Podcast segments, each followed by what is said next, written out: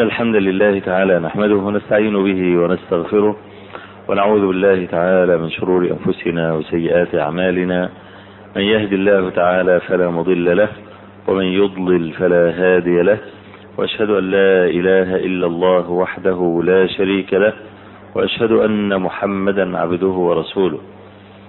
أما بعد فإن أصدق الحديث كتاب الله تعالى وأحسن الهدي هدي محمد صلى الله عليه وآله وسلم وشر الأمور محدثاتها وكل محدثة بدعة وكل بدعة ضلالة وكل ضلالة في النار. اللهم صل على محمد وعلى آل محمد كما صليت على إبراهيم وعلى آل إبراهيم. في العالمين إنك حميد مجيد. وبارك على محمد وعلى آل محمد.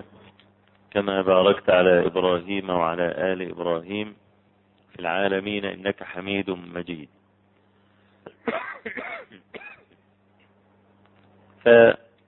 فنتناول آخر وصية ليحيى عليه السلام وهي قوله وآمركم بذكر الله فإن مثل ذلك كمثل رجل طلبه العدو سراعا في أثره فحف فاحترز بجنة حصينة وكذلك العبد لا يحرز نفسه من الشيطان إلا بذكر الله. وذكرنا قوله عز وجل وأقم الصلاة إن الصلاة تنهى عن الفحشاء والمنكر ولذكر الله أكبر. الصلاة الحقيقية التي أمر العبد بها لو جاء بها على الوجه المأمور به فإنها تنهاه عن الفحشاء والمنكر قطعا. خلاص؟ وفي حاجة أكبر من كده. تنهى عن الفحشاء والمنكر. ألا وهي ذكر الله. متى ينتهي العبد الذاكر عن الفحشاء والمنكر؟ إذا كان محبا. لأن قانون الحب يقول ليس من أعلام المحبة أن تخالف حبيبك. هو ده قانون الحب. فالذي يحب يعجز أن يخالف حتى لو أراد أن يخالف. ليه؟ لأن الحب مركزه القلب والقلب هو الذي يحرك الجوارح فيستحيل أن تتحرك جارحة على خلاف إرادة القلب أبدا. هذا هذا مستحيل. اليد دي ما تتحركش إلا إذا اجتمعت إرادة في القلب جعلت هذه اليد تتحرك. وإذا كان الذكر محله القلب والقلب يأبى أن يخالف فالجارحة لا تخالف. خلاص؟ عشان كده العلماء اللي, اللي, بيتكلموا في المحبة يقولون إن الأذكار الموظفة شرعت لترسيخ هذا المعنى في القلب. ترسيخ هذا المعنى في القلب. وكما قال الله عز وجل يا أيها الذين آمنوا إذا لقيتم فئة فاثبتوا واذكروا الله. لأن ذكر الله عز وجل في مثل هذا الأمر العظيم يثبت القلب فيذكره حتى في الملمات في تطاير الرقاب يوم يذكره فيثبت. وهذا المعنى موجود عند بني آدم. آه يقول عنترة ولقد ذكرتك والرماح كأنها أشطان بئر في لبان الأدهم فوددت تقبيل السيوف لأنها برقت كبارق ثغرك المتبسم. ده رايق قوي ها؟ شوف بقى السيوف سيوف بتلمع وعمال تطير رقاب هنا وهنا ويخبطوا في بعض والكلام ده فيقوم هو في كل واحد بيقول نفسي نفسي ورقبتي فين والكلام ده يوم يشوف الست بيبرق يقول آه والله ده زي جبينها بالظبط. يعني ده كجبينها يوم يفتكرها وهي إيه؟ وهو عمال يقاتل والرقاب بتطير والكلام ده. نوع من إيه؟ نوع من أنواع التثبيت. فيقوم طبيعة الحب طبيعة المحب. عشان كده لماذا انتصر الصحابة؟ ولماذا عزوا؟ ما كانوا يخالفون قط. لماذا؟ لأنهم كانوا يحبون فعلا. عشان كده ذكر الله عز وجل في الأذكار الموظفة. لما أنت بتذكرها في أذكار الصباح وأذكار المساء وأذكار الخلاء وأذكار الخروج من البيت ودخول البيت وأي شيء مظهر من مظاهر الكون له ذكر. أي مظهر؟ تهب الريح الشمس حر ترى رجلا مثلا به عاهة. ترى الشجر بيتمايز أي حاجة في الكون؟ شرع النبي صلى الله عليه وسلم لنا ذكرا فيها بحيث إن أنت لو حفظت هذه الأذكار الموظفة لن يفتر لسانك عن ذكر الله أبدا.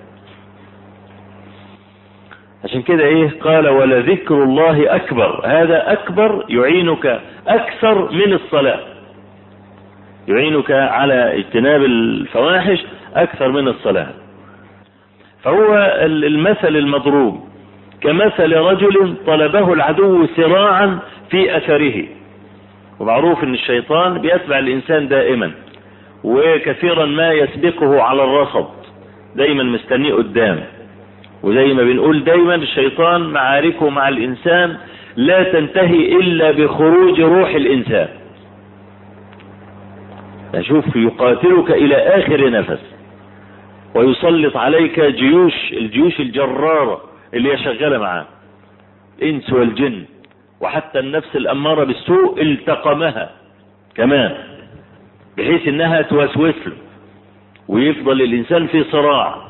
كتير يجي يقول لي مش عارف يفرق ما بين الإخلاص والوسواس. كل ما يجي يعقد قلبه على عمل من الأعمال يقوم داخله يقول له يوسوس له فيه أنت ما قصدت وجه الله. أنا أعرف طلبة علم علمناهم وكبرناهم وربناهم علميا ومع ذلك خد جانب العبادة وساب جانب العلم. وإنما كنا نعده حتى يقوم بدوره لتعليم الناس. إيه اللي خلاه بقى يدخل بقى في جانب العبادة ويسيب العلم؟ خاف من الرياء. خاف من الرياء. يقول له انت جاي عايز تقعد القعدة دي؟ تقعد القعدة دي وتقعد الناس قدامك والكلام ده؟ هو الرياء إيه أكتر من كده؟ انك انت تظهر ويقولوا عليك الشيخ الفلاني والشيخ العلاني وهذا الامر قد عرض لي. قد عرض لي. وأنا لا اخفيكم سرا. أنا اكره ان تقبل يدي. بيزعجني الامر ده جدا. لدرجة إن أنا استشرت بعض الشيوخ إن أنا أبطل دروس. فقالوا لي لا يجوز. فقلت خلاص هربط إيدي في رقبتي وهلفها بالشاش. والله يا اخوانا هذا مرحلة من المراحل. اللي هي كادت أن تقضي على مسألة الدروس عندي. ويمكن الإخوة كتير مثلا يسألوا أنت دروسك قليلة ليه؟ بعتذر يعني شهر شعبان اللي فات ده كله أنا ما خطبتش في جمعة ولا اديت في درس. ده أحد المعاني اللي مزهقاني من الدروس ومزهقاني من لقاء الناس. وصل بي الأمر زي كنا نعلق إيدي كده في رقبتي على أساس إن مفيش حد يسلم عليا. فهذا المعنى ما مش قادر قلت لإخواننا كتير يا جماعة بلاش المسألة دي يا جماعة بلاش المسألة دي. إخوة ما يسمعوش الكلام. خلاص. أنا دراعي ده كتفي ده دايما بشتكي منه. ليه؟ لأن ده على طول بعافر معاه. أشد وهم يشدوا. خلاص كتفي ده وجعني خلاص. بقى في علة مزمنة. مش عارف أعمل. طبعا كان في القاهرة استرحنا من القاهرة. كان في القاهرة مشكلة كبيرة جدا في المسألة دي. حتى إن ظهري طقطق. واحد محب قوي يعني. ها؟ واحد قوي معاه كده عجني يعني. فدي مثلا حاجة بتعرض. الإنسان إذا عجز عن حاجة زي كده أعمل إيه؟ أسيب الدروس؟ لا ما سيبش الدروس. وبعد ما الإنسان مضى قدما وفعلا كان جريئا في المضي انتهى قصة الوسواس دي. عشان كده بنقول لإخواننا يعني أحسن أفضل وسيلة لدفع الوسواس هو العلم. هو العلم. اللي يلتبس عليه الورع مع الوسواس ده هو قليل العلم. الشيطان بيلعب بالعباد زي ما الطفل بيلعب بالكورة. العابد رجل قلبه رقيق وخواف خاف على العبادة بتاعته. أول ما يدخل يقول له رياء يقوم راجع لورا على طول. أهل العلم لا. دول معاهم الكشاف ومعاهم المصباح اللي هم بينوروا للناس الطريق. فلا يلتبس عليهم عادة ما هو ورع وما هو وسواس بسبب هذا العلم الجليل. ولذلك تجد مثلا ما فيش عالم يوسوس إنما ممكن تجد عالما فاسقا. لكن لا تجده موسوسا الوسواس يروح للعباد وممكن العالم يبقى فاسق. ده بسبب إيه؟ بسبب إن العالم يستطيع أن يفرق ما بين الورع وما بين الوسواس. فالشيطان لا يدع المرء مطلقا ابدا حتى يوارى المرء في رمسه. فهو على طول كما كمثل عدو يجري وراءه تباعا. فأتى جنة حصينة فاحترز بها. ال ال ال ابن كثير رحمه الله هو بيتكلم عن آيات الاستعاذة في القرآن وهي ثلاث آيات لا رابع لها.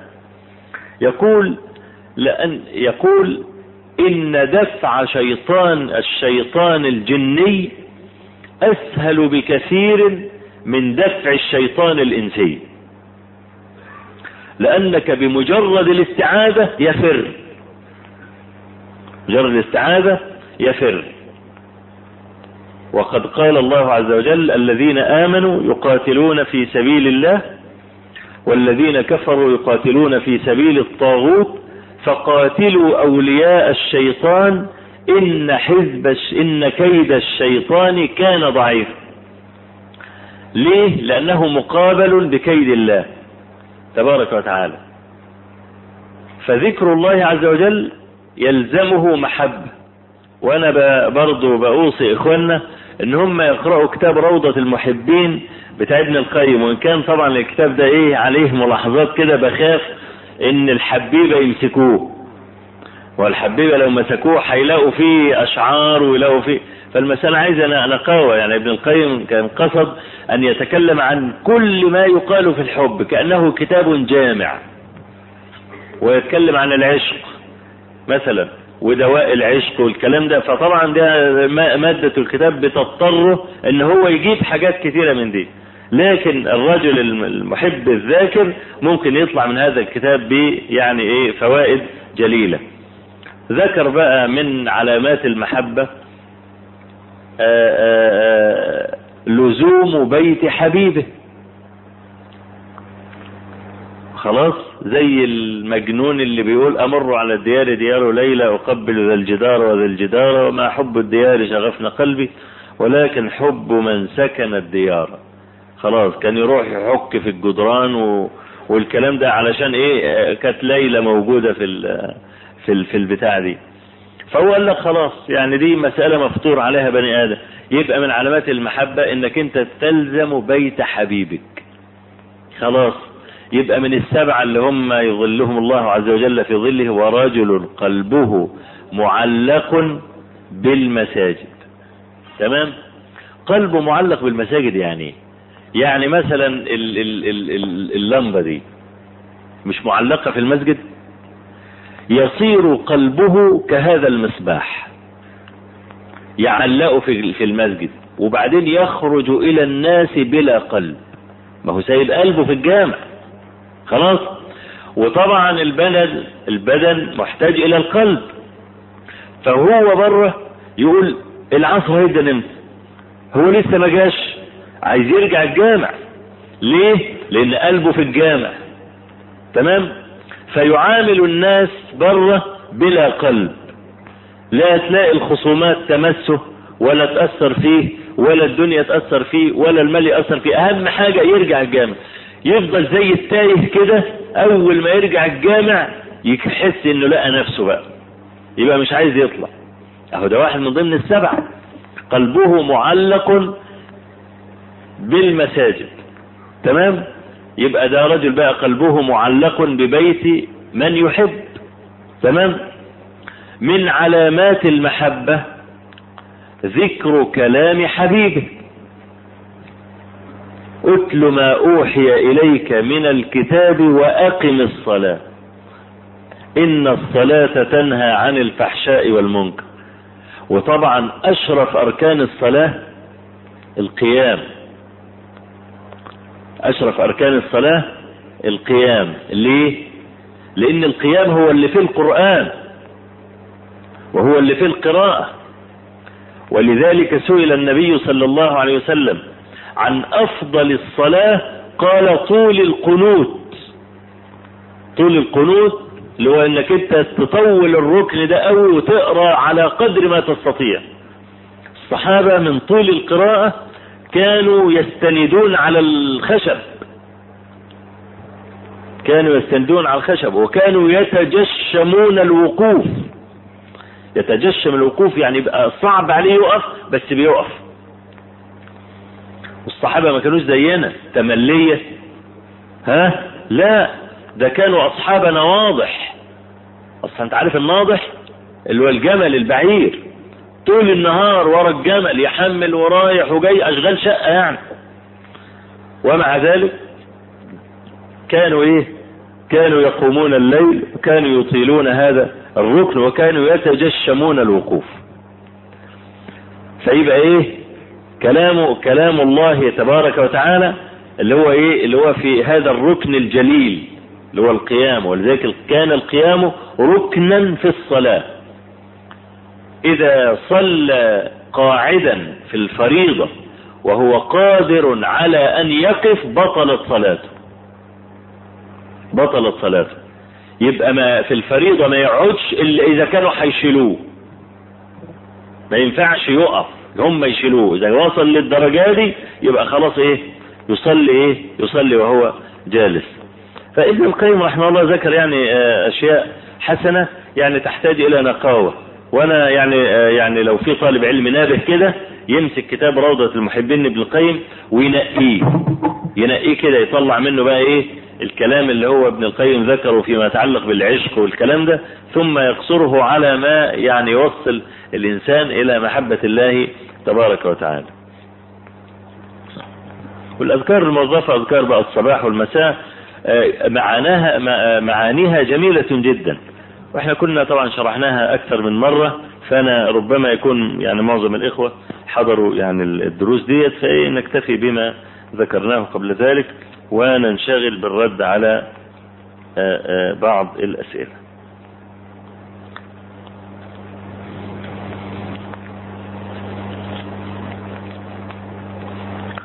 آه. واحد بيقول بيقول يعني إن أنا يعني إيه غليظ شوية في الكلام عن يعني الجماعات الأخرى. فبقول يعني إن أحيانا بيحضر برضه ناس معانا من جماعات أخرى فربما يعني أدت الغلظة دي إلى نفور بعض هؤلاء المنتمين لهذه الجماعات فأنا أقول يا اخوانا يعني الذي يتابع دروسي يعلم أنني رفيق فعلا حقا لست غليظا.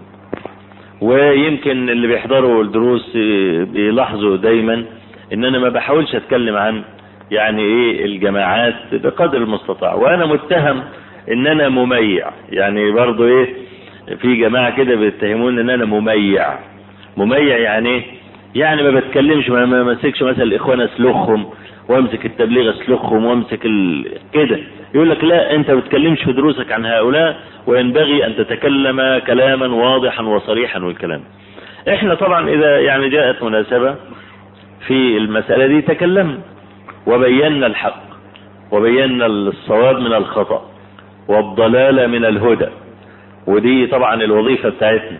ولا بد أن يكون لنا يعني خصوم. ناس مش راضيين عن هذا المسلك وهذا هو يعني ال ال الذي ينبغي أن يكون عليه أصحاب الدعوة الحقة يدعو إلى الله تبارك وتعالى ويؤصل الأصول فإذا اعترضه معترض يبقى يرد على هذا إيه؟ المعترض. أما فيما عدا ذلك أنا لا أرى الكلام الدائم. ليه؟ لأن هذا الحقيقة يعني بيشغل الشباب بالكلام برضو عن العلم النافع. وأنا فاكر يعني أتذكر يعني من من من حوالي 8 سنين كده كان بقى حصلت في القاهرة مشكلة كبيرة وقعد بعض الشيوخ يردوا على بعض والكلام ده وكانت العملية يعني إيه آه المهم وأنا بصلي مرة عابر سبيل في المهندسين قابلني إيه شاب. فالشاب ده أول ما رآني فاعتنقني وبكى وقال إن إحنا ضايعين أنتوا فين؟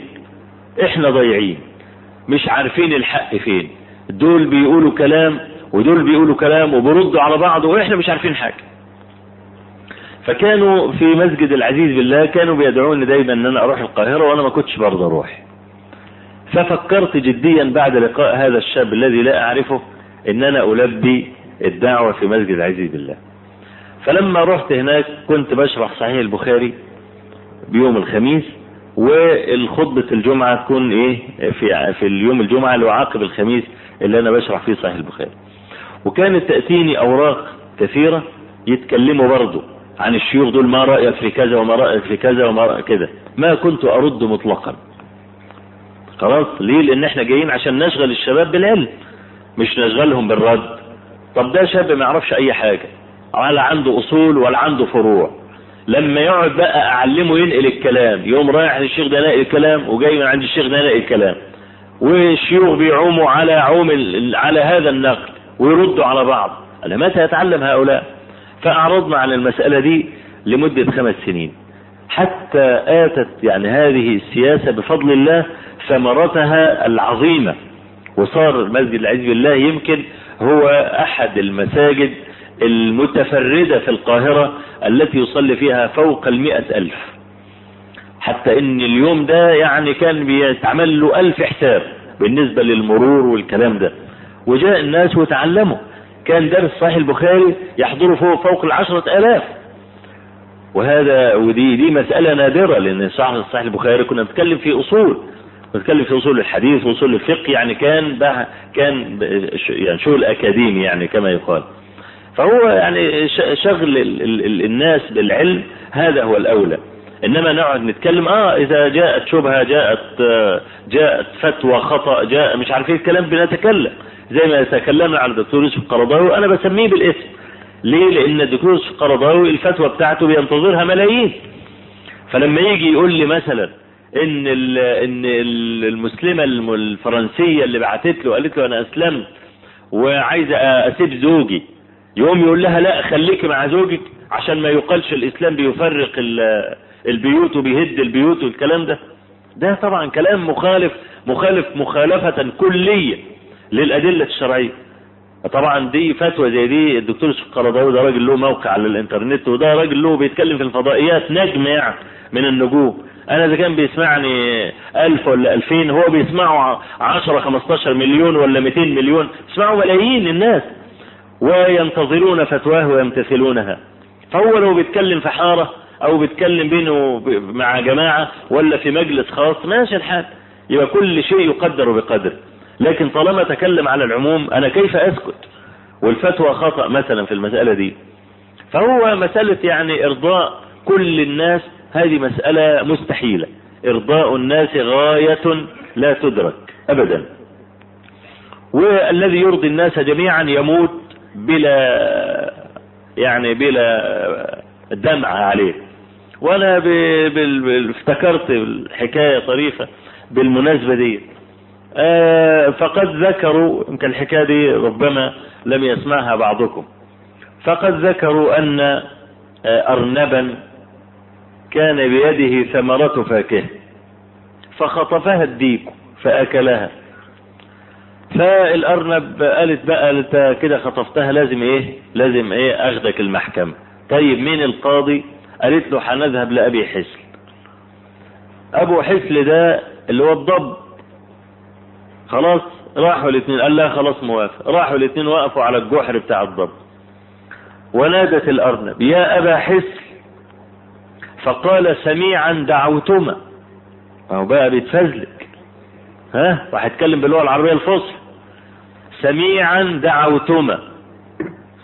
فقالت إني اختصمت أنا وهذا.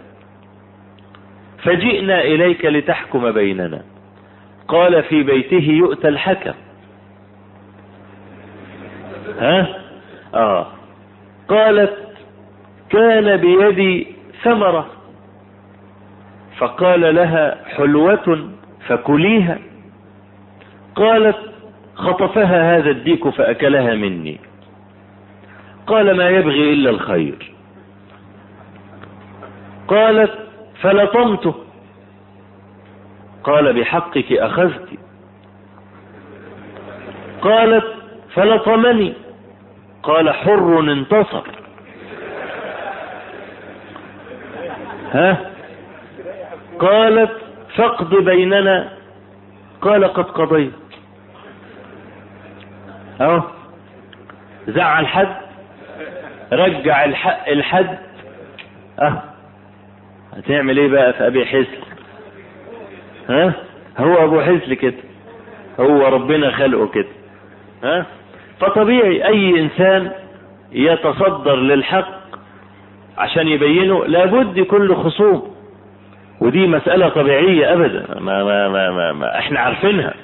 ونحن مستعدون لها أيضا.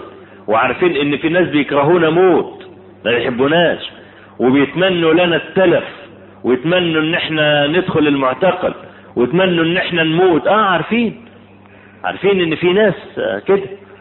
وطبعا من يتبنى الدعوة السلفية؟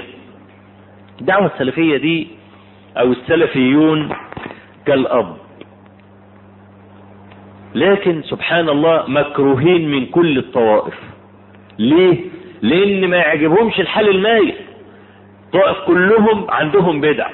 فهو واقف يقول له كده غلط وانت كده غلط وانت كده غلط وانت كده غلط. فطبعا كل واحد يقول له انت كده غلط مكروه منه فشيء طبيعي. إن يكون ال ال ال ال الإنسان المقيم لأن الدعوة السلفية دي أصلا إيه؟ هي دعوة القرون الثلاثة الأول. خير الناس قرني ثم الذين يلونهم ثم الذين يلونهم. اوعى واحد من إخواننا الجلوس اللي ما يسمعوش عن الدعوة السلفية تصور إن السلفيين دول جماعة زي الجماعات وإن إحنا عمالين عايزين نضم ناس. لا مش عايزين نضم ناس ولا حاجة. خالص. الدعوة السلفية منهج. منهج. مش جماعة وإطار بنتعصب له الكلام ده. نحن لا نتعصب لشخص ابدا إلا لرسول الله صلى الله عليه وسلم.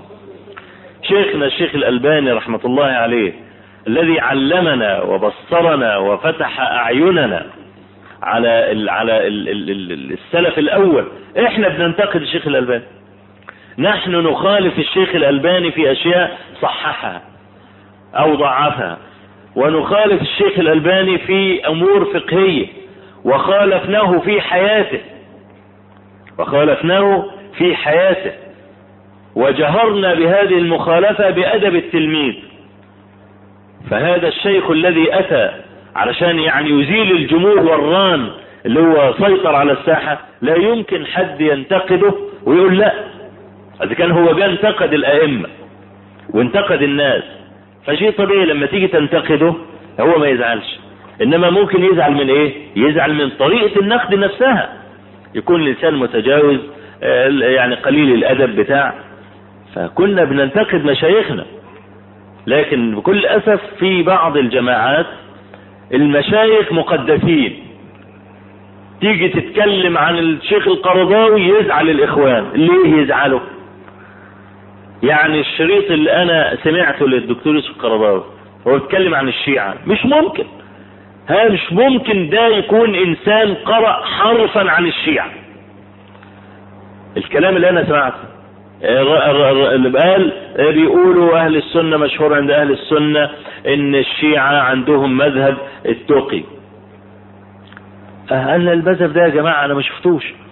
أنا لما رحت إيران آية الله تسخيري وآية الله مسخيري أي حاجة كده قدموني للصلاة فهو هيتقوني في إيه؟ هيعمل معايا تقية في إيه؟ إذا كان هو قدمني للصلاة. ها؟ وأنا لا راجل في بلدهم ولا أملك لهم شيئا. فايه التقية بقى اللي هيعملها معايا. معقول الكلام ده يقوله الدكتور يوسف القرضاوي هذا التسطيح ما هو عايز كده.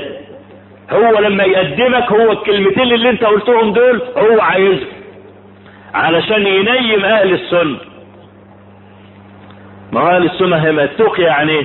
يعني يفضل إيه؟ يفضل يلعبك ويكذب عليك. يقول لك ده أنت حبيبي. ده انت لما بتغيب عني كانك خدت قلبي وهو موضب لك السكين. أول ما تتلفت كده أهو يقوم مديك السكينة المحترمة. هو ده الشيعة بكل أسف وأنا بقولها بكل أسف وكتبهم كلها ناطقة بذلك. فالنهاردة هو ما عايز المسألة دي. فلما يجي يقال هذا الكلام وأنا قلت الكلام ده في محاضرة من المحاضرات كان حاضر برضه بعض إخواننا من جماعة الإخوان.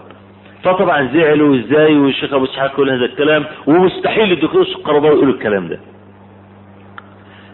فالأخ جاء قال لي قلت له يا أخي قول له إن أنا رجل محدث مشتغل بالحديث. مشتغل بالحديث يعني إيه؟ يعني أعرف كيف أنقل. أعرف كيف أنقل. فقلت له طيب أنا هجيب له الشريط. لو ثبت إن الكلام بتاعي ده صحيح هيعمل إيه؟ ده اللي أنا عايزه. يقول لي هيعمل إيه؟ اديته الشريط وقلت لصاحبنا تابعه عشان هيعمل إيه؟ نشوف هيعمل إيه بعد الفتوى دي. خلاص كأن مفيش حد اتكلم فنحن لا نوالي ولا نعادي على شخص إنسان كائنا من كان إلا رسول الله صلى الله عليه وسلم.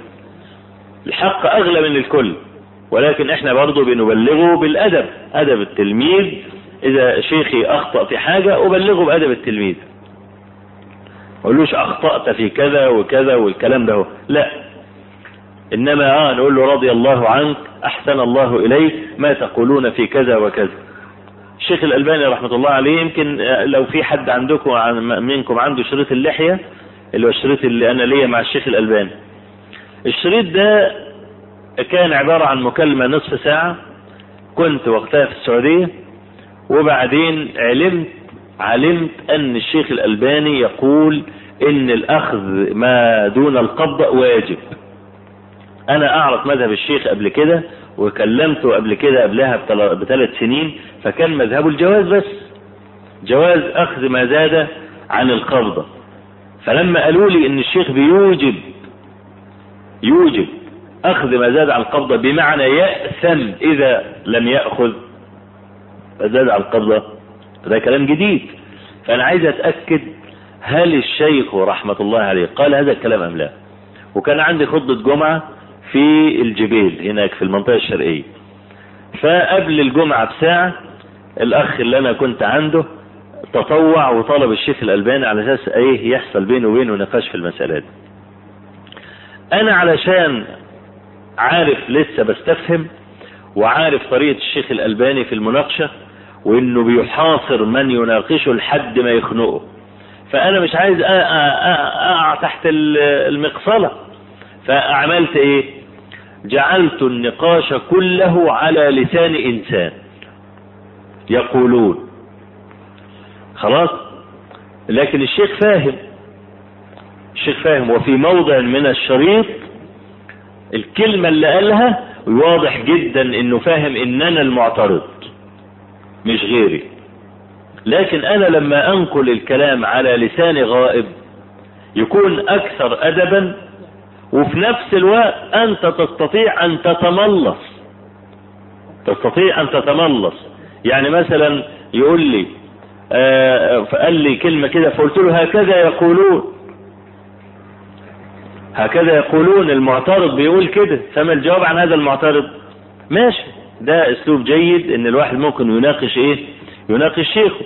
بعض إخواننا لما ناقش الشيخ الألباني في مسألة الذهب المحلق والشيخ طبعا يحرمه كما هو معروف. فالشيخ اشتد عليه جامد قوي قوي فقال لي الشيخ إيه؟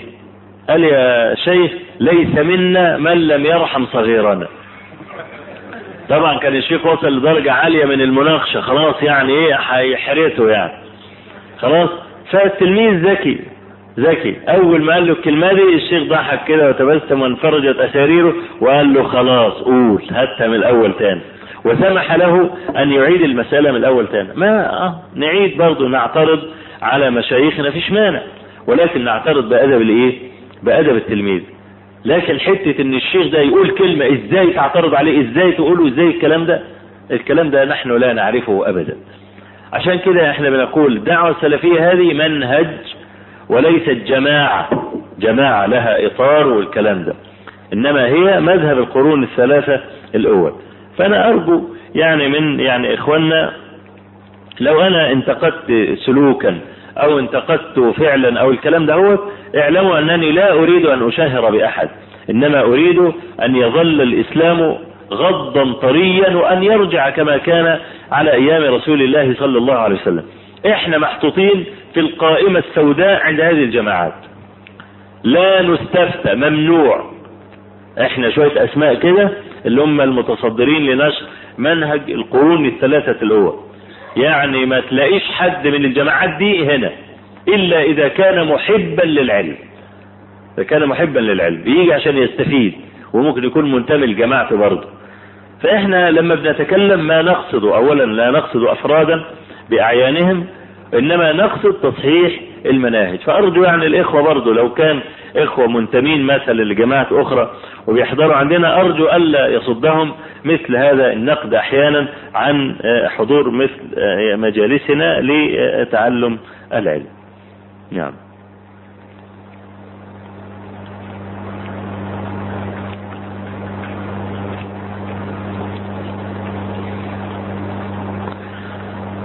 يسأل سائل يقول بول الصبي والرضيع وقيئه بالنسبة للأم والطبيب المعالج ولمس الأعضاء التناسلية للصبي ولمس المرأة في كشف طبي.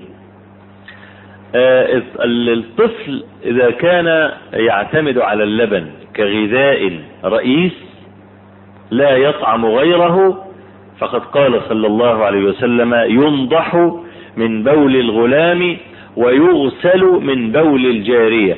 الاثنين دول إذا لم يطعما إلا اللبن. أما إذا أكل الولد الذكر شيئا آخر بجانب اللبن فهذا يغسل كالجارية تماما. خلاص؟ يبقى يفرق ما بين بول ال ال ال البنت الصغيرة الرضيعة يعني والولد في حال إيه؟ الاعتماد على اللبن فقط. أما إذا أكل طعاما آخر فالحكم هو الغسل للجميع. وكذلك القي قي ليس بنجس. آه كذلك الأم اللي بتغسل لابنها وبنتها والكلام ده هو هذا لا ينقض الوضوء. نعم.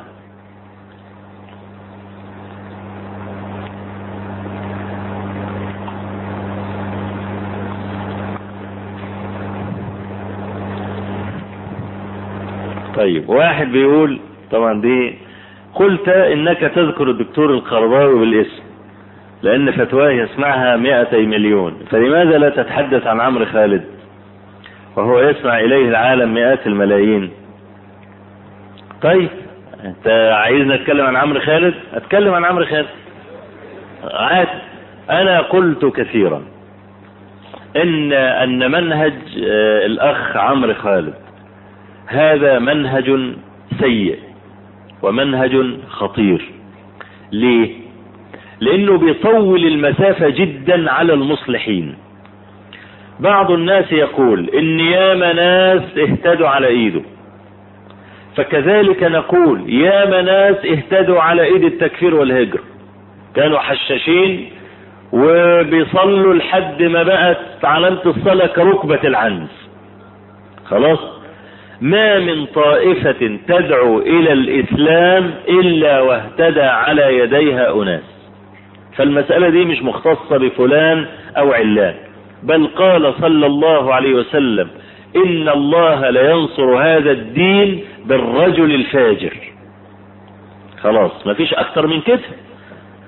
رجل الفاجر الله عز وجل ينصر الدين على يديه. تمام؟ فإحنا بنقول الإسلام يا أخوانا ليس كلاما الإسلام عمل. فلما يجي واحد يقعد جنب يقعد يحاضر في بنات لابسين استرتشات وبنات قاعدين جنب ولاد ويتكلم مثلا عن الحب بين الفتيات بين العيال الصبيان والبنات مثلا وكأن المسألة عادية على أساس إنه بيجرجرهم. لا الإسلام ما كانش كده خالص. الإسلام مش كده ولا يعرض الإسلام هكذا. ده أنا أقول لكم على حاجة. آه امرأة مات زوجها مات زوجها على عهد رسول الله صلى الله عليه وسلم. وطبعا المرأة إذا مات زوجها لا يجوز لها أن تكتحل ولا أن تتعطر ولا أن تتزين ولا الكلام ده أربعة أشهر وعشرة أيام. وفاء لهذا الميت الذاهب. تمام؟ فجاءت امرأة فقالت يا رسول الله إن ابنتي تكاد تذهب عينها. عينها خلاص هتنتهي. أفنكحلها وكان زوجها ميت. قال لا وإن ذهبت عينها.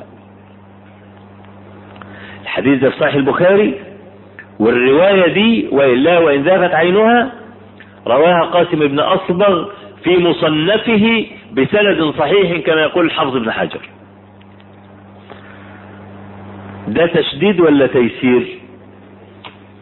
لو أنا قلت الكلام ده هيقولوا لي إيه؟ متشدد. وهيطلعوا لي بالقاعدة الضرورات تبيح المحظورات. خلاص؟ وإن طبعا عينها هتروح والعين ده حاجة كبيرة. طيب كيف قال رسول الله صلى الله عليه وسلم لا وإن ذهبت عينها؟ أي متقعر يقول لك الرواية دي شاذة وباطلة وموضوعة والنبي ما قالش كده. عليه الصلاة والسلام. طب لماذا قال النبي صلى الله عليه وسلم ذلك؟ لأن الكحل مش الوسيلة الوحيدة لعلاج العين. في وسائل أخرى. فما تجيش تكتحل بقى وهي محرم عليها الكحل في زمن العدة. وإلا فلو سلمنا أن الكحل هو العلاج الوحيد ولا يوجد علاج في الدنيا للعين فالنبي صلى الله عليه وسلم بما يعلم من أحاديثه الكثيرة في التيسير ومسألة الضرورة ودفع الحرج والكلام ده هيقول لها يكتحل. ماشي؟ فالنهاردة إحنا لما نيجي نقول لا وإن ذهبت عينها هذا هو التيسير بعينه. وإن كان شديدا في نظر الناس. حديث آخر في صحيح البخاري واحدة شعرها يتمعط. يتمعط بيقع. فجاءت وفي ليلة في ليلة زفافها وشعرها يتمعط. وجات للنبي صلى الله عليه وسلم وقالت إن أنا عايزة أصل يعني شعر البنت بإيه؟ باروكة يعني زي عشان تدخل لزوجها متزينة والكلام ده. فقال لها زور. زور. أي لا يحل لها. طب دي تدخل على جوزها قرعة؟ هيزحلقها ها؟ وهتبقى مشكلة. وهتبقى في وشه مش كويسة وبتاعه فين بقى أن يؤدم بينهما والكلام ده؟ إحنا لما نيجي نقول لا تبعا للنبي صلى الله عليه وسلم. لا. أخونا بقى عمرو خالد يا ما يقولش الكلام ده. لا يقول خلاص الضرورات تبيح المحظورات ومش عارف إيه ليه؟ لأنه رجل ليس دارسا. هو قال أنا واعظ أنا بتكلم عن الجنة والنار الكلام ده. وده الكلام ده آه غير حقيقي وغير صحيح. إحنا نعرف الكلام ده. مستحيل رجل يتكلم عن الجنة والنار ولا يدخل في الأحكام الشرعية ابدا. مستحيل. الدين كله ماسك بعض. يتكلم عن الجنة والنار لازم يتكلم عن الأحكام الشرعية غصب عنه. مفيش واحد يجي مثلا يقول لك أنا هتكلم في الحديث ومش هتكلم في الفقه. إذا كان الحديث كله فقه. فهو الحقيقة طول علينا المسافة جدا. حتى وصفنا نحن بأننا غلاظ. أنا في كنت في الإمارات مرة وبعدين كانوا سجلوا له محاضرة للبنات خصوصا في كلية من كليات البنات خصوصا. لما سمعته بيتكلم بقى عن الحب والكلام ده كلام مش ممكن واحد ابدا دارس السنة دارس للدين والكلام ده ممكن يتكلم بهذا الكلام. وهو قاعدين يقول لك أنا بجرجرهم. فأنا إزاي أشوفهم؟ العيال قاعدين جنب بعض وملبسين لبعض وأنا قاعد أقول لهم حبوا النبي. وحبوا ربنا وأنا عايز أدعوكم لحب ربنا. آه ربنا سبحانه وتعالى ما هو أنزل آية المحنة. أنزل آية المحنة في القرآن. قل إن كنتم تحبون الله فاتبعوني يحببكم الله. ادي الحب سيبك من أي دغدغه للعواطف بعد كده. إن أنا أفضل أسخن فيها أسخن فيها لحد ما يعيط طب بعد ما عيط إيه اللي حصل يعني؟ فاتبعوني يحببكم الله. ادي الاتباع. فهو ينبغي أن يكون متبعا للنبي صلى الله عليه وسلم حتى في شكله حتى في شكله رجل يكون مثلا محب للنبي صلى الله عليه وسلم كيف خالفه وكيف مثلا حلق لحيته. فمسألة يعني إنه ياما ناس رجعت طب ما ياما ناس رجعت على إيدينا برضه. مثلا ألوف أو مئات أو ملايين. مش مش هو المتفرد بمسألة إنه رجع ناس. خلاص. وبعدين الإشكال إن إن هذا المذهب بيعتبر جامعة كاملة مش إن هو بيورد لنا هو حضانة وإحنا ابتدائي ولا إحنا ثانوي ها؟ فيقوم يورد لنا يقول لك خلاص دول الناس مش عارفين أي حاجة عن البطيخ أنا هخليهم بقى يقشروه بتاعه وبعدين أبعتهم لك. لا ما بيبعتش ده هي جامعة متكاملة. جامعة متكاملة. بيدخل ابتدائي ليوصل لحد الجامعة يتخرج من نفس الجامعة دي. وفي ناس كتير عايزة كده. في ناس نفسها إنك تدي لها شهادة إنه إنسان ملتزم بس ما يسيبش حاجة من حياته. يسبح ضد تيار المجتمع لا أنا مش مستعد للمسألة دي. اديني بس إن أنا إنسان ملتزم وكويس على وضع الحال. هو يعمل كده بقى. خلاص؟ وفي طبعا أنا عندي حكايات ما أستحل يعني أن أذكرها بالنسبة للشباب اللي هم كانوا وجم عندنا في العزيز بالله وبدأوا يلتزموا ويسمعوا. طبعا كانوا بييجوا يستفتوا. مش يقصدوا يفشوا أسرار ولا ولا مثلا مواقف ولا الكلام ده. يجي يستفتوا. فكان الإنسان يقلب كفيه عجبا. أنا شايف الحقيقة إن ال ال ال هذا المنهج كالخمر. كالخمر. يسألونك عن الخمر والميسر. قل فيهما إثم كبير ومنافع للناس. وإثمهما أكبر من نفعهما. ده وجهة نظري. وأنا طبعا لا أنا بنافس الأخ عمرو خالد على حاجة ولا بينه وبينه دنيا ولا ولا أنا حريص علينا ولا أنا لم جمهور ولا الكلام ده. إحنا بنقول الكلمة بتاعتنا وأجرنا على الله. أنا مطلوب مني كثير جدا من سنوات طويلة أن أنا أطلع في الفضائيات وأتكلم والكلام ده وأنا عندي قناعة كاملة إن هنا أفضل حاجة.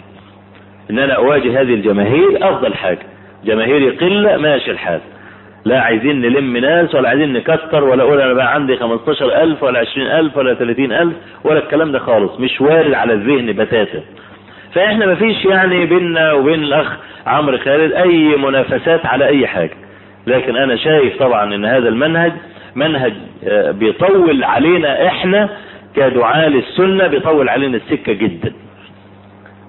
ونسأل الله عز وجل أن يهدي يعني إخواننا إلى الخير. فأنا برضو أخونا اللي هو كاتب ال ال ال الكلام ده فكاتبه برضو إيه كاتبه يبدو بحرارة يعني. ها؟ كاتبه بحرارة. فأرجو إن أنا أكون طفيت الإيه؟ طفيت اللي عنده يعني. نعم. الواحد نفسه الحقيقة يقعد كده قعدة مصطبة. يعني ما يبقاش فيها إيه؟ ما يبقاش فيها الرسميات وال... وعلشان الواحد يحكي اللي في جعبته لأن الحقيقة المشوار الدعوي هذا مشوار طويل وكله تجارب. كله تجارب. ما نقصدش نتكلم في حد ولا بتاع لكن هذه التجارب هي هي ال ال ال ال ال الصورة العملية الوجه الآخر لحقيقة تطبيق العلم. لحقيقة تطبيق العلم. فلعل يعني لو قعدنا قاعدة كده قعدة مصطبة كده يعني واخدين راحتنا أرجو أن برضو إيه إذا كشفنا شيئا من هذه الأشياء ألا يغضب أحدنا. الحمد لله أنا أرجو أن أكون سليم الصدر بالنسبة لإخواني يعني. ما عنديش مشاكل مع نعم.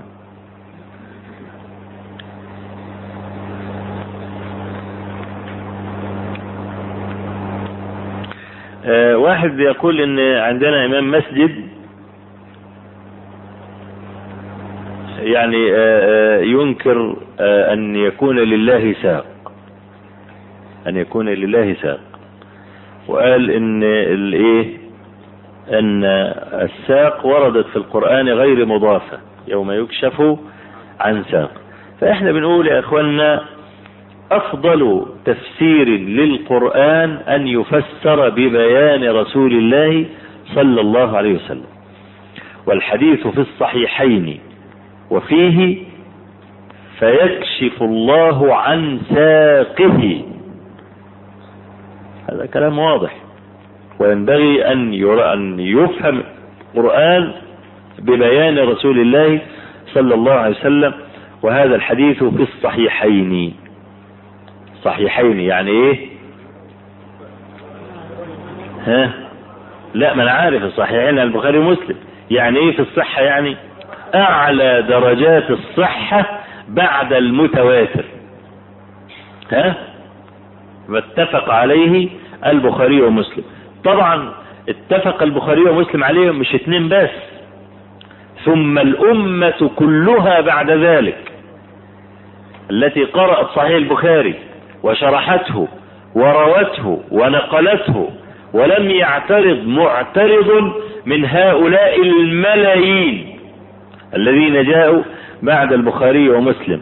فهذا يشبه التواتر هذا يشبه التواتر.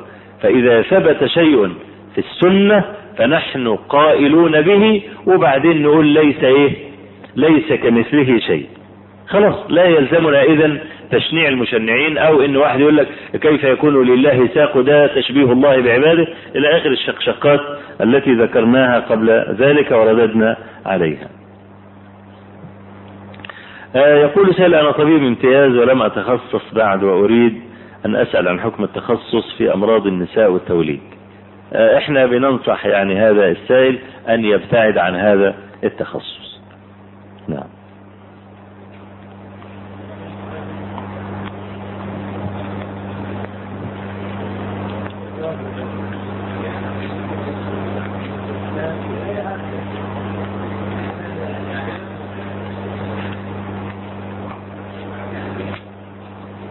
ده إخواننا بقى متوصيين بعمرو خالد في في الأسئلة دي.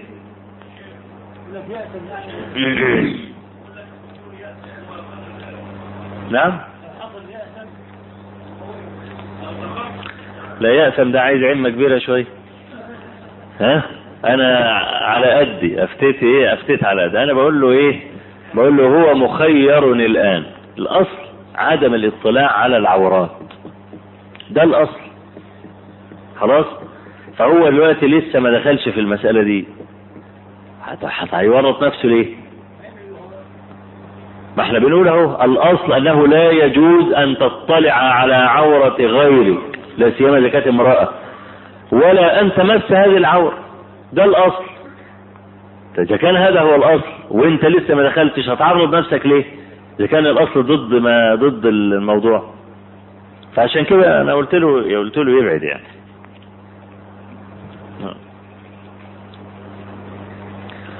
في أكثر من ورقة إخواننا بيقولوا لي فيها لماذا لا تتكلم في الرقائق؟ وأنا شايف من وجهة نظري إنها بتتكلم في الرقائق. لكن كل شيخ له طريقة. خلاص في واحد بيدخل في الرقائق وصرخ. مثلا وكده وحميك لأن أنت عارف الإنسان لما يكون نشيط وبتاع ويصرخ والكلام ده شيء طبيعي إنه إيه ده الكلام ده بيتعدى إليه. أنا شايف إن أنا بتكلم في الرقائق ولكن حظي من اللسان الطلق في هذه المسائل قليل. يعني ماليش مثلا لسان الشيخ محمد حسان ماليش مثلا لسان الشيخ محمد يعقوب مثلا ناس الوعاظ الأفاضل دول ماليش لسانهم. فأنا دلوقتي على قد يعني إذا دخلت مثلا في الرقائق ممكن أقول كلمتين كده كده وبعدين نفسي يتقطع. ها؟ فأنا أرجو برضو إخواننا إيه عايز أقول لهم إن المسألة مسألة مواهب. المسألة مسألة مواهب. أنا ممكن أقول كلام علمي أنت جلدك يقشعر وعينك تدمع. مثلا لما أتكلم مثلا عن الصحابة أتكلم عن النبي عليه الصلاة والسلام والإنسان لما بيتكلم عن هؤلاء بتكلم بقلبي فعلا. بتكلم عن النبي صلى الله عليه وسلم بتكلم بقلبي. بتكلم عن الصحابة بتكلم بقلبي. يا قلبي يسبق لساني وأنا بتكلم. لما أشوف الصحابة بيتشتموا الكلام ده فعلا أنا قلبي يتمزق. فعلا. و... وأظل لا آكل ولا أشرب وبعدين بينضح كمان على صحتي يعني. ببقى عيان مريض. من شدة حبي لهؤلاء وشدة قهري إن أنا مش عارف أنصر هؤلاء ولا أشتفي من الذين يتعدون عليه فإنسان لما بيتكلم في الحاجات دي ممكن دي تبقى داخلة مثلا إيه؟ في باب الرخاء. لكن يغلبني الطبع بقى. أقوم قلبها مصطلح ها؟ أقوم قلبها مثلا أصول فقه. لكن أرجو الا يخلو الأمر من فائدة. فكل إنسان يا اخوانا موهوب في جانب من الجوانب. فأرجو إن إخواننا لأن أنا كثيرا ما برضو لامني إخواني. والكلام ده قديم. لامني إخواني كيف لا أتكلم في الرقائق؟ يعني النهارده وأنا داخل أتوضأ واحد بيقول لي لو سمحت كلمنا عن الجنة والنار. وواحد آخر من يومين ثلاثة بيقول كلمنا عن الموت. خلاص؟ فقلت له إذا جت مناسبة هتكلم.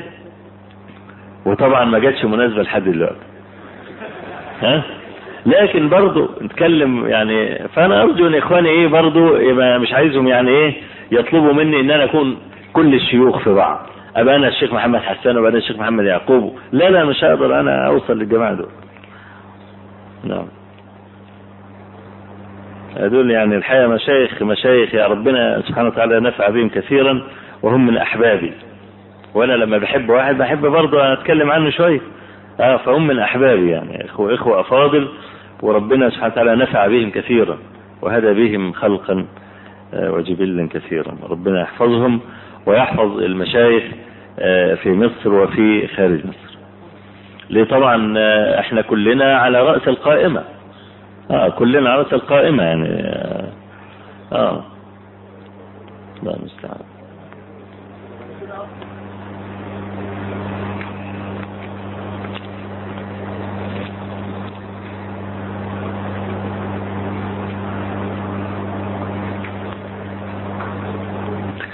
يقول سائل بقى بيسأل عن يعني النوادي الالتحاق بالنوادي وإن يعني الأولاد لابد لهم من ترفيه والكلام ده هو وكده. أنا يا أخوانا رأيي إن النوادي من أخطر ما يكون على الجيل. لا سيما النوادي في القاهرة مثلا في الإسكندرية في المدن الكبيرة. ليه؟ النوادي دي أصبحت واجهات اجتماعية. ومعروف إن في نوادي متميزة عن نوادي. في نوادي الكبار ما يدخلهاش إلا الفراودة الكبار قوي. وفي نوادي مثلا دي عشر نجوم وده سبع نجوم وده خمس نجوم وده أربع نجوم. والولاد دلوقتي أصبح معروف إن شيء من الاجتماعي أقول أنا منتمي للنادي الفلاني. أنت النهارده راجل ملتزم. بتاخد ابنك على جنب وتروح على الحشيشة كده عشان يقعد يتنطط له شوية والكلام ده هو طيب الواد ده لما يكبر ويبقى له إرادة هل هيفضل يتنطط على الحشيش اللي انت بتاخده له؟ لا الولد ده اتربى في النادي هيبقى عضو في النادي. فلما هيدخل النوادي دي وما أدراك ما النوادي ما انت عارف اللي داخل النوادي عارف فيها إيه؟ فيها البلاء الأزرق زي الدبان الأزرق كده البلاء الأزرق. فيها الحشيش وفيها الافيون وفيها الكوكايين وفيها الشذوذ وفيها الزنا وفيها كل حاجة. النوادي دي فيها كل حاجة. فالولد ده لما يطلع أبوه هو اللي وداه أمه هي اللي ودته النادي يبقى مشروع. لو كان لو كان شرا يبقى أبويا ما كانش هيوديني. يبقى هو لما دخل النادي دخل النادي بمباركة أبيه وأمه. ما عادش بقى هيمشي مع أبوه وأمه كل ما يجي رايح النادي أبوه وأمه ياخده من إيديه لا بقى راجل كبير. هيتعرف بقى على الشلة الموجودة هناك والكلام دوت فهذا فساد عظيم. مرة من حوالي سبع سنين كده واحدة اتصلت بيا وسألتني عن مسألة النوادي ونعمل إيه وبتاع والعيال وإذا ما فسحناهمش هنفرقعهم من جنابهم والكلام ده. قلت لها طيب أنا هقترح عليك اقتراح. أنتوا عندكم سيارة؟ لكم سيارة؟ آه. قالت آه عندنا سيارة. طب قلت لها جوزك حي يعني؟ قالت أيوه. قلت لها أنا لي اقتراح إنكم في يوم الجمعة تقوموا واخدين شوية رنجة ولا حاجة من دي وتاخدوا إيه شوية عيش ومش عارف إيه وتطلعوا على طريق مصر اسكندرية الزراعي. وعند أي ساقية كده على جنب بس يشترط يكون إيه فيه ذرة ولا حاجة. وتقوموا راكنين العربية ومعاكم فرشة كده وفرشين وحاطين البتاع وتاكلوا تغدوا الغدوه دي. تمام؟ وترجعوا آخر النهار. بس إيه اعملوا الاقتراح ده وبعدين يبقوا إيه بيكلموني بعد حوالي يجي أربع خمس شهور اتصلت بيا الست وقالت لي جزاك الله خيرا دي كانت فكرة ما خطرت لناش على بال. إحنا لحد النهارده بنعملها. والولاد مبسوطين جدا واتحلت مشكلة النادي تمام. هو العيال إحنا هننقل عقدنا للعيال ليه؟ الولد لا هيفرقع ولا نفسه يشم هوا ولا الكلام ده العقد دي عندنا إحنا. ها؟ فأنا متصور إن أنا زي ما أنا لو ما طلعتش هفرقع أنا متصور الولد هيفرقع. الولد ما يخطرش على باله الحدوتة دي خالص. فأرجو ما الجماعة اللي هم بيقول لك الولاد لو ما رفهناش عنه مش عارفين ممكن يطلع معقد والكلام ده ده الكلام ده عندك أنت. لكن مش عند الولد. الولد لا يخطر له على بال مثل هذه المعاني. عشان كده إحنا بنقول يا اخوانا النوادي دي مسألة خطيرة جدا على الولد لا سيما إذا كبر وصارت له إرادة وصار هو اللي بيتحرك من تلقاء نفسه. نعم. فيا ريت يعني اخوانا المجتمع الصغير بتاعنا ده. إحنا بنقول المجتمع الصغير بتاعنا ده يسمعوا كلامنا ما هو الناس كلها ما بتسمعش كلامنا ولا بتعبرنا. يبقى أنتوا كمان لما ما بتسمعوش كلامنا يبقى إيه اللي إيه اللي طلعنا بيه من الدنيا يعني؟ فأنتوا لما إحنا بنقول لكم هذا الكلام عندنا تجربة. وأنا مش لازم أقعد أحكي لك حكايات صناديق صناديق حكايات عشان تقتنع الكلام اللي أنا بقوله صح. اللي أنا بقوله ده عصارة مثلا مئات المشاكل. اللي أنا أرسلت فيها طرفي وفكرت فيها كثيرا علشان أحل مشكلة واحد مثلا عنده مشكلة. فأقوم أستحضر كل المشاكل دهيت وأعصرها كلها وأطلع الخلاصة عشان أديها لك. مش لازم بقى أجيب الحكايات كلها من أولها لآخرها عشان تعرف إن إيه إن وجهة نظري آه صحيحة يعني. نعم. طولنا؟ دي قعدة مصطبة اظن ها؟ طيب أنتوا حرين. أنا إذا كان علي أنا آخر انبساط. بارك الله فيك. بس إحنا نستاذن إمام الجامع إمام المسجد. نواصل يا عم الشيخ؟ طيب.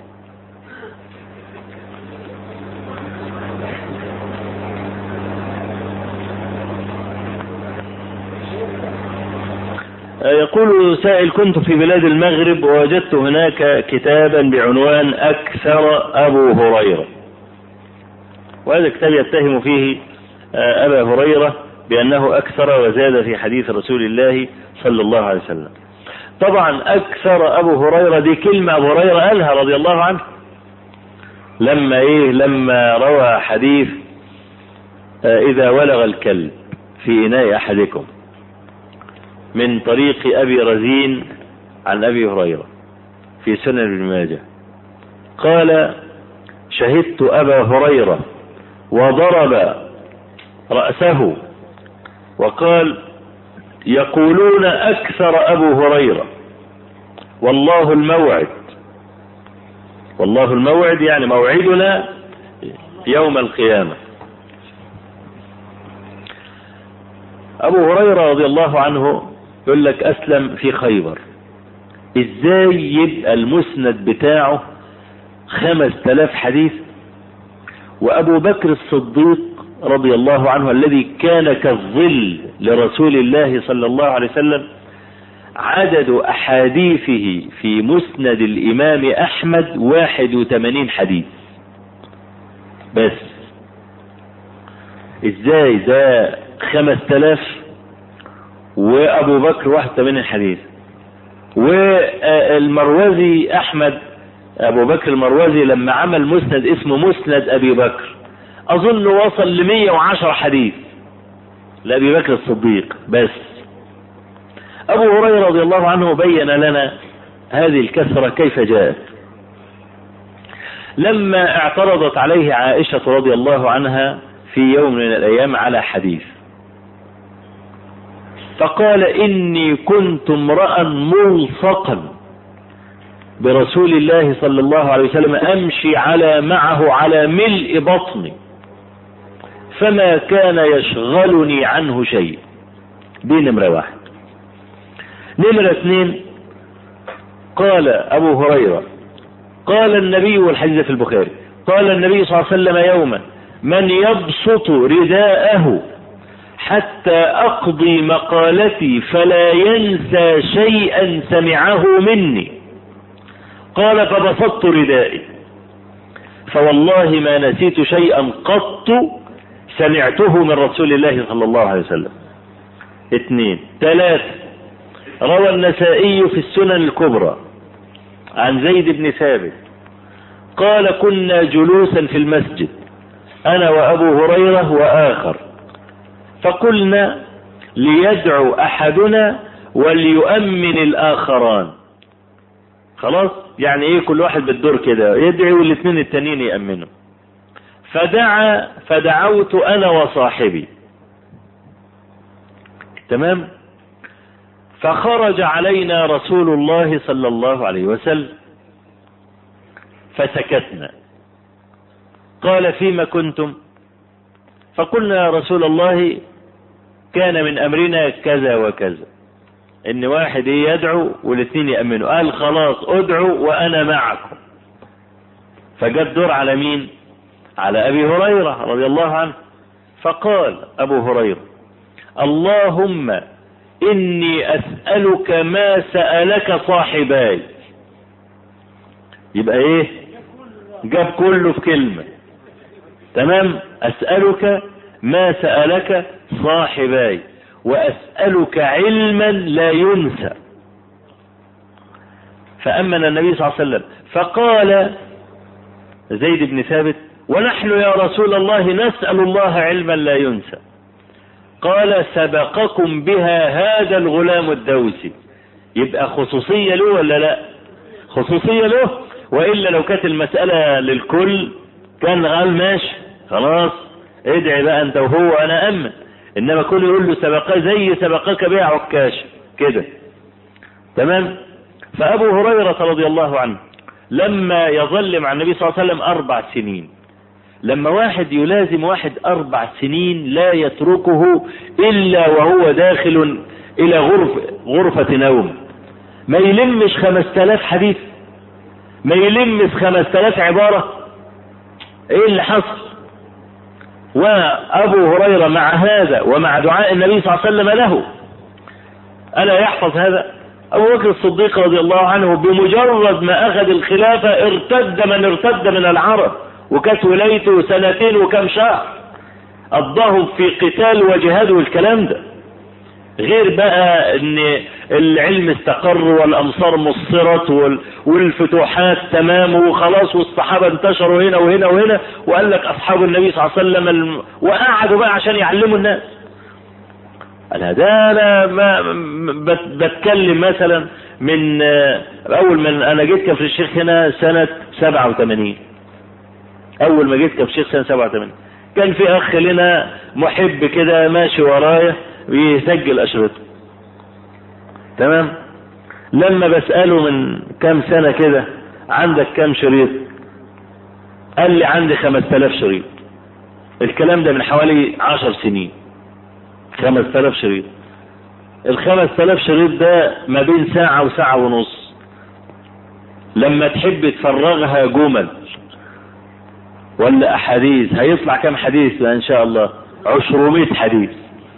ها؟ شوف الخمس تلاف دول وأنا عمال اراطرط بقالي عشر شوف من سنة تسعين ادي 14 سنة. عمال الت واعجب تمام؟ حط ده كمان حط 4000 شريط كمان على ال 5000 أدي 9000 شريط. فأنا في أربع, في أربع سنين. أنا ما أعرفش اعمل لي 4000 شريط. في أربع سنين؟ مثلا وراجل بيتكلم على طول فإيه المستنكر يعني؟ أن أبا هريرة رضي الله عنه في كل مجلس في كل صلاة لفتات النبي صلى الله عليه وسلم وحركات وسكنات وأقضيات وتبسمه وأكله وشربه والكلام ده كله أبو هريرة قاعد معاه. فلما يسأل كيف كان يأكل؟ يقول كان يأكل كذا. طب احكي لنا حكاية هو بينما ما طفل مجك إذا كذا. قال إيه الموضوع؟ إيه 5000 حديث يعني. تطلع إيه؟ فيجي بقى هؤلاء المغرضون لأن طبعا اللي بيشتم في أبو هريرة واللي عمال ينشر الكتب دي ويشنعها الشيعة والمبتدعة والكلام لأن أبا هريرة شجل في حلوق هؤلاء. وإلا فأبو هريرة قال كما في صحيح مسلم ادعو الله لي يا رسول الله أنا وأمي. لأن أمه ما كانتش مسلمة. وبعدين كل ما يقولها أسلمي تقوم شتم النبي عليه الصلاة والسلام. فيبكي ويتكدر. من ناحيتين أمه كافرة هتدخل النار ومن ناحية بتشتم النبي. خلاص؟ فكان يروح للنبي صلى الله عليه وسلم يقول يا رسول الله ادعو الله أن يهدي أم أبي هريرة. ففي يوم من الأيام عمل يقول لا أسلم بتاع فشتمت النبي صلى الله عليه وسلم شتيمة كتيرة قوي في اليوم ده. فراح مكسور الخاطر ومتكدر للنبي صلى الله عليه وسلم وقال له ادعو الله لأم أبي هريرة. قال اللهم اهدي أم أبي هريرة وحبب أبا هريرة وأمه إلى عبادك المؤمنين. خلاص أبو هريرة قاعد القعدة بتاعته وهو رايح البيت سمع خشخشة مية كده. عايز يدخل قالت له على رسلك يا أبا هريرة. كانت بتغتسل بقى. بتغتسل في غسل بقى الإسلام والكلام ده. فأول ما دخل عليها فنطقت بشتين كاد أن يموت من الفرح لما امه أسلمت. ولما النبي صلى الله عليه وسلم دعا كده قال أبو هريرة فلا يسمع بي أحد إلا أحبني. عشان دعوة النبي صلى الله عليه وسلم. اللهم حبب أبا هريرة وأمه إلى الناس. أو إلى عبادك المؤمنين. نعم. فاللي يجي علشان يشتم أبو هريرة ده يعني ليس من المؤمنين. ويجيب لك بقى أشياء لأبي هريرة أو أشياء الصحابة قالوها عن أبي هريرة. زي مثلا إيه؟ كلب الحراسة كلب الحراسة آه ابن عمر رضي الله عنهم لما سئل بقى عن إيه؟ الرجل إذا اصطحب كلبا نقص كل يوم من أجره قيراطان. إلا كلب حراسة أو إيه عفوا إلا كلب زرع. فابن عمر قال لا كلب زرع دي أنا ما حفظتهاش. لكن أبا هريرة كان صاحب زرع. فيقوم بقى الجماعة دول يقول لك شوف عشان أبو هريرة صاحب زرع أم وضع على النبي صلى الله عليه وسلم الزيادة دي علشان هو عايز الكلب. عشان هو كان عنده زرع فوضع دي على النبي. شوف بقى التفكير المنكوس.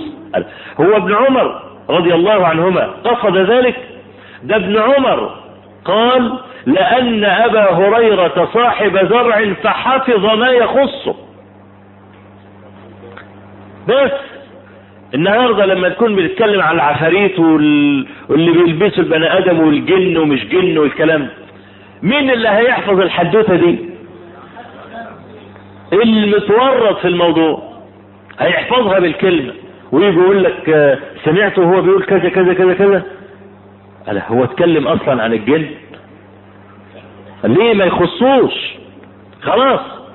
فأبو هريرة رضي الله عنه لأنه صاحب زرع ويخصه مثل هذا حافظ المسألة دي. يوم لأنه ما بيحبش أبو هريرة هيك أبو هريرة يقلب كلام ابن عمر رضي الله عنهما ويخليها بالنظام ده. فطبعا هؤلاء نسأل الله عز وجل العافية يعني ما, ما يكره أصحاب النبي صلى الله عليه وسلم إلا من في قلبه غل وإلا هذا الجيل الفريد يغلب المرء على حبهم يكفي أنهم أصحاب نبينا صلى الله عليه وسلم وصحبوه وانه امتدحهم وزكاهم وأثنى عليهم. أجي أنا بعد كده أقول لا ده فيهم كذا وكذا وكذا. فأطعن على شهادة رسول الله صلى الله عليه وسلم لهؤلاء.